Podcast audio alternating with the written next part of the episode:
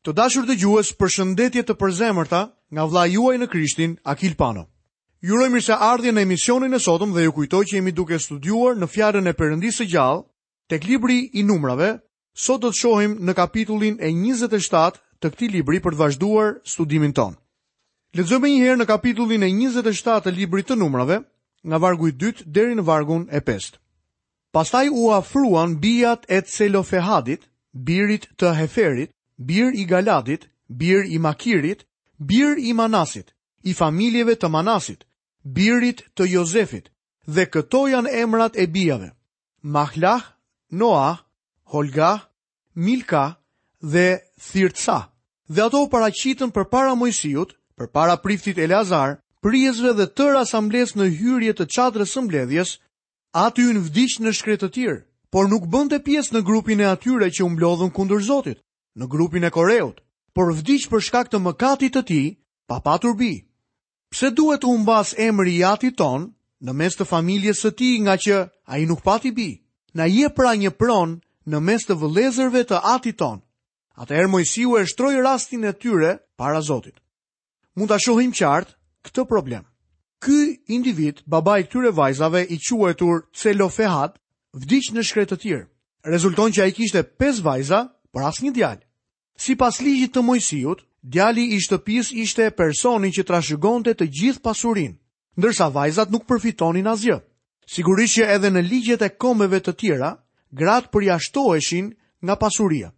Ato nuk kishin asnjë lloj vlere. Çfarë bëjnë këto vajza tani? Vajzat e Celofehadit ishin mjaft energjike. Në ditët e sotme po dëgjojmë shumë të flitet për të drejtat e gruas. Sigurisht që në Bibël jepen fare qartë të drejtat e tyre. Vite më parë ka pasur njerëz që thoshin se Bibla është një libër vetëm për burrat. Gjithsesi, sa më shumë e lexoj Biblën, aq më shumë shoh se Fjala e Perëndisë u jep grave të drejtat e tyre. Unë besoj se gratë duhet të kenë të drejtat e tyre. Moisiu në të vërtetë nuk dinte se çfarë të bënte. Mendoj që ndoshta u ka thënë këtyre vajzave. Vajza, në të vërtetë unë nuk di çfarë t'ju them. E shoh që keni të drejtë, por sipas ligjeve dhe zakoneve, nuk ju takon të merrni asgjë. Kështu Mojsiu e paraqiti çështjen e tyre përpara Zotit. Le të shohim më poshtë se si Perëndia plotëson kërkesën e këtyre vajzave. Lexojmë nga libri i Numrave 27 vargjet 6 dhe 7. Dhe Zoti i foli Mojsiut duke i thënë: Bijat e Celofehadit kanë hak. Po, do t'u japësh atyre si trashëgimi një pronë midis vëllezërve të atit të tyre dhe do t'u kalosh atyre trashëgiminë e atit të tyre. A e shikoni, Perëndia u jep të drejtën grave. Ky është një nga ligjet më të mrekullueshme që mund të përfytyrohet. Ne jetojmë në një ditë kur ky vendim është mjaft i zakontë. Është mjaft e vështirë për ne të mendojmë si në atë kohë kur gratë trajtoheshin si plaçkë tregtie. Misionarët që punojnë në fiset e lumit Orinoko më kanë treguar se në Venezuelë një vajzë e vogël i shitet një burri përpara se ajo të arrijë moshën 10 vjeçare. Vajzat trajtohen si kafshë pune. Ky zakon ekziston ende në mes të njerëzve primitivë. Çdo grua sot duhet të jetë mirënjohëse për Fjalën e Zotit sepse në fakt Fjala e Perëndisë, Bibla, ishte e para që u dha grave të drejtat e tyre. Mendoj që kjo është e mrekullueshme. Bijat e Celofehadit kanë hak. Po do t'u japësh atyre, tha Perëndia, një trashëgimi.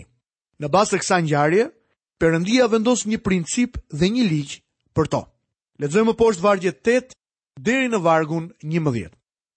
Do t'u flasësh gjithashtu bijve të Izraelit dhe do t'u thuash: Kur një njeri vdes pa lënë ndonjë bir, trashëgiminë e tij do t'ia kaloni bijës së tij. Në qoftë se nuk ka asnjë bijë, trashëgiminë e tij do t'ua jepni vëllezërve të tij. Në rast se nuk ka vëllezër, trashëgiminë e tij do t'ua jepni vëllezërve të atit të tij. Dhe në rast se ai nuk ka asnjë vëlla, trashëgiminë e tij do t'ia jepni fisit më të afërt të familjes së tij dhe ai do ta zotërojë. Kjo do të jetë për bijtë e Izraelit një formë e së drejtës, ashtu siç e ka urdhëruar Zoti Mojsiu. Ky është një hap i mrekullueshëm dhe është bërë 1500 vjet para ardhjes së Zotit Jezu Krisht në botë. Habitem me energjinë dhe guximin e këtyre grave. Habitem edhe me besimin e tyre. Fjala e Zotit tek Hebrenjve kapitulli 11 dhe vargu 6 na deklaron: Edhe pa besim është e pamundur t'i pëlqesh atij, sepse ai që i afrohet Perëndisë Duhet të besojë se Perëndia është dhe se është shpërblenjësi i atyre që e kërkojnë atë. Këto pesë vajza donin të zotëronin trashëgiminë e atit të tyre. Në atë ditë, kjo gjë nuk ishte as zakon dhe as ligj i shkruar që ato të mund të përfitonin diçka. Prandaj ato kërkuan me besim dhe me besim Perëndia u dha atyre trashëgiminë. Këtu jepet një mësim i mrekullueshëm për ne sot. Në fjalën e Perëndisë në Bibël thuhet se jemi të bekuar me të gjitha bekimet qiellore në Krishtin.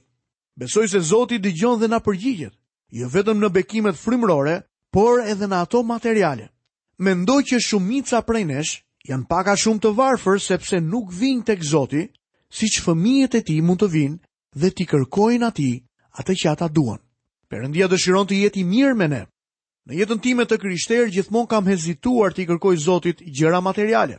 Kur isha në shkollë biblike, punoja për një gazetë duke mbledhur njoftime gjatë orëve të vona të mbrëmjes. Kur dikush jepte një njoftim për të shitur një makinë, dilja jashtë dhe e shikoja.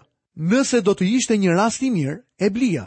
E përdorja për një vit dhe pastaj e shisja aq sa e bleva. Kur mbarova shkollën i kërkova Zotit të më jepte një makinë të dorës së dytë, por që të ishte në gjendje shumë të mirë. A e dini se çfarë bëri Perëndia? Ai më dha një makinë të re. Përse nuk i kërkova Zotit një makinë të re? Ndoshta ne jemi të varfër sepse në fakt nuk dimë se çfarë të kërkojmë dhe si t'ia kërkojmë Perëndisë. Por më tepër se kaq, ne kemi zotërime, zotërimet shpirtërore të mrekullueshme në Krishtin. Ai do të donte që ne t'i kërkonim këto me besim. Këto pesë vajza, bijat e Celofehadit, erdhën dhe i kërkuan zotërimet e atit të tyre. Sot ne kemi zotërime shpirtërore që duhet t'i kërkojmë. Le t'i themi atit tonë Perëndisë se ne duam trashëgiminë tonë si bij dhe se i duam këto bekime frymërore. Ai dëshiron që të na bekojë. Sa i mrekullueshëm është Zoti! Mbërrijmë tani në një titull të trishtueshëm, për shkak se e kemi ndjekur Moisiun për një kohë të gjatë. Në fakt, ai është autori i Zanafillës, kështu që ne kemi ecur me të që nga Zanafilla deri tani. Në këtë pikë, ai po përgatitet të largohet nga skena tokësore. Lexojmë vargjet 12 deri 14 në kapitullin 27 të librit të Numrave. Pastaj Zoti i tha Moisiut, Ngjitu mbi malin e Abarimit dhe sodit vendin që unë po ju jap bijve të Izraelit. Mbasi ta kesh parë, edhe ti do të bashkohesh me popullin tënd, ashtu siç u bashkua Aroni, vëllai yt. Sepse ngritët krye kundër urdhrit tim në shkretëtirën e Sinit, kur asambleja kundërshtoi, Dhe nuk më shenjtëruat në ujërat para syve të tyre. Këto janë ujërat e Meribës në Kadesh, në shkretëtirën e Sinit. Shohim që Perëndia i referohet kohës kur Moisiu goditi shkëmbin dy herë, ndërkohë që Zoti i kishte thënë vetëm t'i fliste. Perëndia po thotë se ky ishte një rebelim ndaj urdhrit të tij. Për shkak se Moisiu kishte bërë këtë, lejohet vetëm që ta vështrojë tokën, por jo të futet në të. Më parë i pyetja studentët e mi, disi me marifet. A hyri Moisiu në tokën e premtuar? Shumica e studentëve do të më përgjigjeshin që ai nuk hyri, por ndonjë student i zgjuar do të më thoshte, po, hyri, dhe sigurisht që ai hyri. Ai ishte në malin e shndërrimit me Zotin Jezus. Kjo ndodhi pas vdekjes së tij. Në këto momente ai vetëm sa merr një pamje të tokës së premtuar. Zoti nuk do ta lejonte të hynte në tokën e premtuar.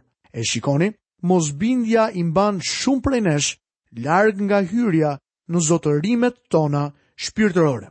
Mosbesimi do të çojë gjithmonë në mosbindje. Pikërisht kjo gjë i ndodhi edhe Moisiut. Lexojmë më poshtë nga vargjet 15 deri 19. Pastaj Moisiu i foli Zotit, duke i thënë, Zoti, Perëndia i frymëve të çdo mishi, le të caktojë mbi këtë asamble një njeri, që të hyjë dhe të dalë para tyre dhe t'i bëjë të hyjnë e të dalin, në mënyrë që asambleja e Zotit të mos jetë si një kope pa bari. Atëherë Zoti i tha Moisiut, Merr Jozueun, djalin e Nunit, njeriun brenda të cilit është fryma, dhe vëre dorën tënde mbi të. Pastaj do ta paraqisësh përpara priftit Eleazar dhe para tërë asamblesë dhe do t'i japësh disa urdhra në prani të tyre. Në vend të Moisiut duhet të vendosej një pasues i vajosur. Ai duhet të ishte i mbushur me frymën e Zotit. Jozueu duhet të ishte pasuesi i Moisiut. Pasi Moisiu të linte punën, Jozueu do të merrte përgjegjësinë e tij. Kur të mbërrijmë në librin e Jozueut, do të mësojmë shumë gjëra për këtë njeri. Dua t'ju them se Jozueu ishte njeriu që u habit më shumë në kamp kur u zgjodh për të qenë pasuesi i Moisiut. Pra me një fjalë, ai ishte personi më i pashpresë për të zëvendësuar Moisiun. A e dini pse? Ai ishte një njeri me nivel mesatar. Askush nuk thoshte se Jozueu kishte një potencial të madh, kishte aftësi të mëdha udhëheqësie dhe gjithçka tjetër që ju dëgjoni sot. Me sa duket Jozueu nuk i kishte këto cilësi. Ai ishte një njeri i zakontë. Jozueu zbulon se çfarë mund të bëjë Zoti me një person të zakontë. Dua t'ju them se libri i Jozueut dhe i gjykatësve kanë qenë një inkurajim mjaft i madh për mua. I dua që të dy këto libra sepse zbulojnë se çfarë mund të bëjë Zoti me një person krejt të zakonshëm. Nëse një person do t'i dorëzohet Zotit, ai do ta marrë dhe do ta përdorë atë. Kjo do të thotë që Perëndia mund të më përdorë mua. Ai mund të përdorë edhe ty. njerëz të zakonshëm. Kjo do të thotë që Perëndia është i vërtetë, është i gjallë dhe është i paanshëm. Nëse Perëndia përdori individë të caktuar në dhjatën e vjetër, nëse Perëndia përdori dishepujt e Zotit Jezus në dhjatën e re, ai mund të të përdorë edhe ty sot, mik i dashur. Kështu Jozueu ishte i zgjedhuri i Zotit. Ai u vajos për të zënë vendin e Moisiut. Do të shohim se pas vdekjes së Mojsiut, në fund të librit të ligjit të përtërirë, Jozueu do të zërë vendin e tij. Tani do të lexojmë nga vargjet 22 dhe 23. Mojsiu pra, bëri ashtu siç e kishte urdhëruar Zoti, mori Jozueun dhe e paraqiti përpara priftit Eleazar dhe tërë asamblenë, pastaj vuri duart e tij mbi të dhe i dha urdhra ashtu siç kishte urdhëruar Zoti me anë të Mojsiut. Të dashur miq, këtu kemi përfunduar studimin mbi kapitullin e 27 dhe do të fillojmë studimin në kapitullin e 28 dhe të 29 në librin e numrave. Tema që ne do të shqyrtojmë në këto kapituj është ligjet e ofertave. Tani që Izraeli po përgatitet për të hyrë në tokën e premtuar me një regjistrim të ri, që grumbulloi burrat e aftë për luftë dhe me vajosjen e Jozueut si komandant, jeta shpirtërore e këtij populli duket sikur është duke u rregulluar. Ofertat ishin themeluar tashmë, por këtu për hir të plotësisë rishikohen të gjitha sakrificat në aspektin kombëtar që duhet të ofroheshin gjatë gjithë vitit. Për shkak se tek libri i Levitikut i pamë këto oferta në detaje, ne do të prekim vetëm disa pika që janë veçanërisht interesante dhe plot kuptim. Pse Zoti kaloi kaq shumë kohë me detajet e këtyre ofertave? Shumë sinqerisht mund t'ju them se është disi e mërzitshme. Kjo është kryesisht e vërtetë në ditët tona për shkak se ne nuk ofrojmë sakrificat e gjakut. Ndoshta edhe për ata mund të ketë qenë e lodhshme. Habitem se sa të përpikta duhet të jenë gjërat kur i ofron Zotit. Pse ka kaq shumë detaje? Arsyeja është aq e mrekullueshme, saqë nuk do të doja që ju ta humbnit për asgjë në botë. Në fakt, këtu vlera e lartë dhe e paçmueshme e Krishtit tërheq vëmendjen tonë. Lexojmë te kapitulli 28 i Numrave, nga vargu i parë dhe i dytë. Zoti i foli akoma Mojsiut, duke i thënë: Jepu këtë urdhër bijve të Izraelit dhe u thuaj atyre: Do të kujdeseni të më paraqisni në kohën e caktuar ofertën time, me ushqimin e flijimeve të mia të përgatitura me zjarr, me erë të këndshme për mua. Vini re theksin në atë që Perëndia thotë. Zoti tha, Ofertën time, ushqimin e flijimeve të mia të përgatitura me zjarr. Me siguri që do të kujtoheni se në librin e Levitikut jepeshin dy lloj ofertash. Nga pesë ofertat, tre prej tyre ishin oferta me aromë të mirë, dy të tjerat ishin oferta me aromë jo të mirë. Ofertat aromë erëkëndshme përfaqësonin personin e Jezu Krishtit. ndërsa ofertat jo erëkëndshme përfaqësonin punën e Krishtit për shpengimin tim dhe shpengimin tënd. Tani Zoti po flet për ofertat erëkëndshme që i quan ofertat e tij. Këto oferta nuk na përfaqësojnë atë çfarë Krishti ka bërë për ne apo mendimet tona për të, por flasin për mendimet e Zotit Atë për Krishtin. Çfarë do të thotë kjo për ne?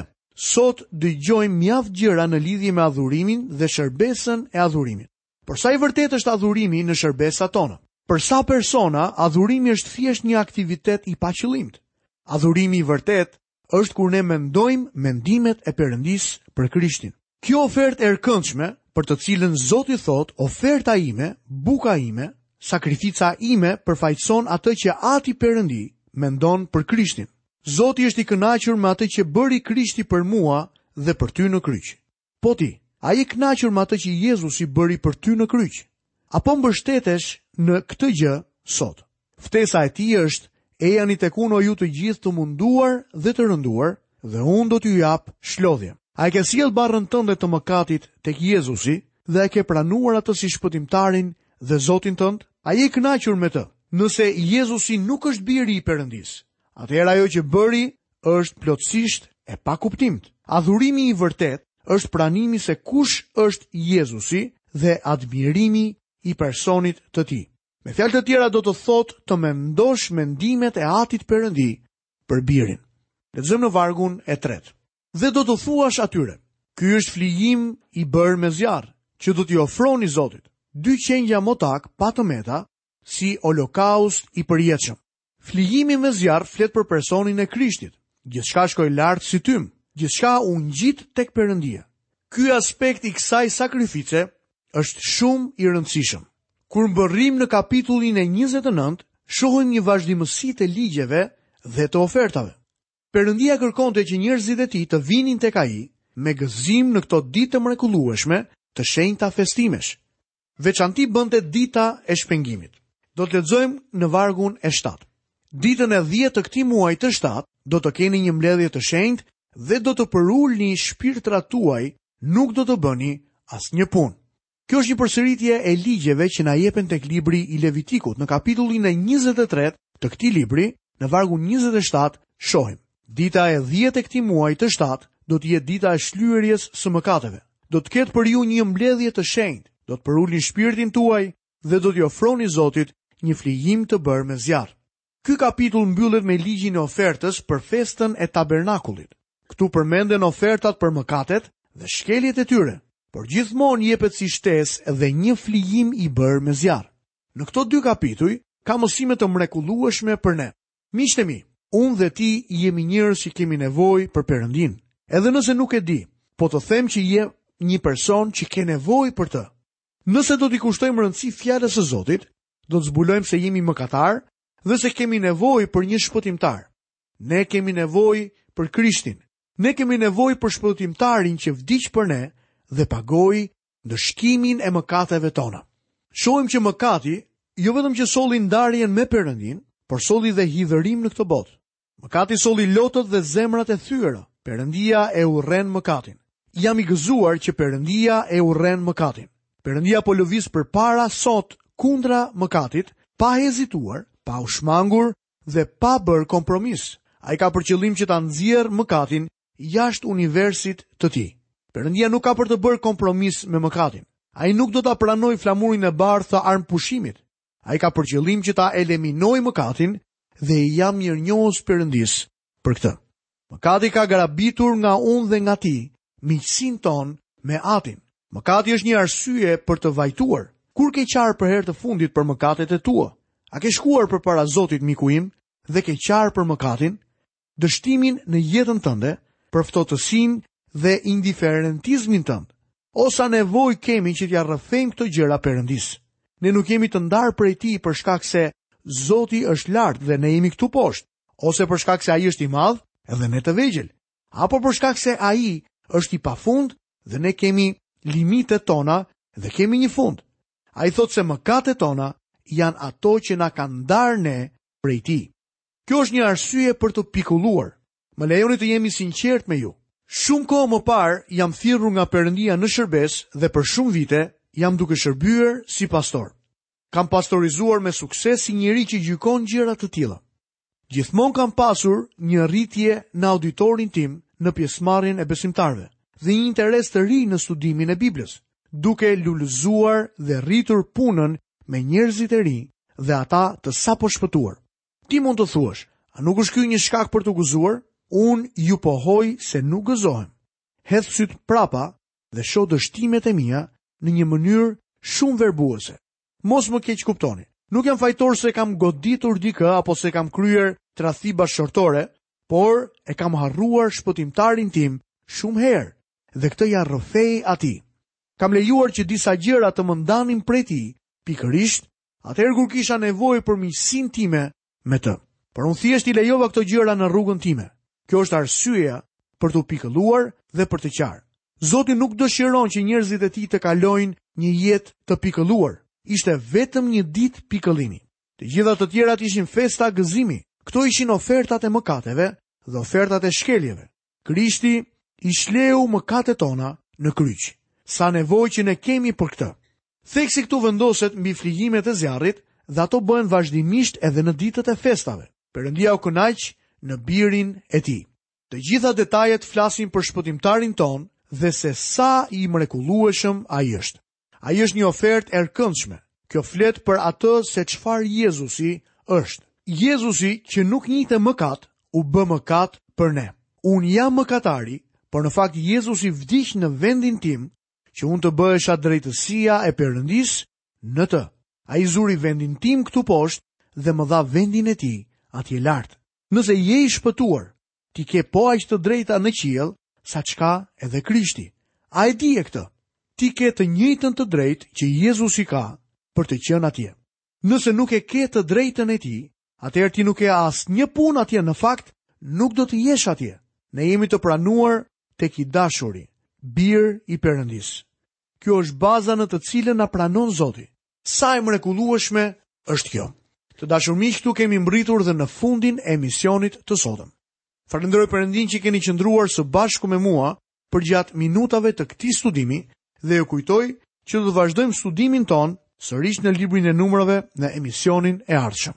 Deri atëherë, nga vëllai juaj në Krishtin Akil Pano, paçi të gjitha bekimet e Perëndisë dhe paqen e tij në jetën tuaj.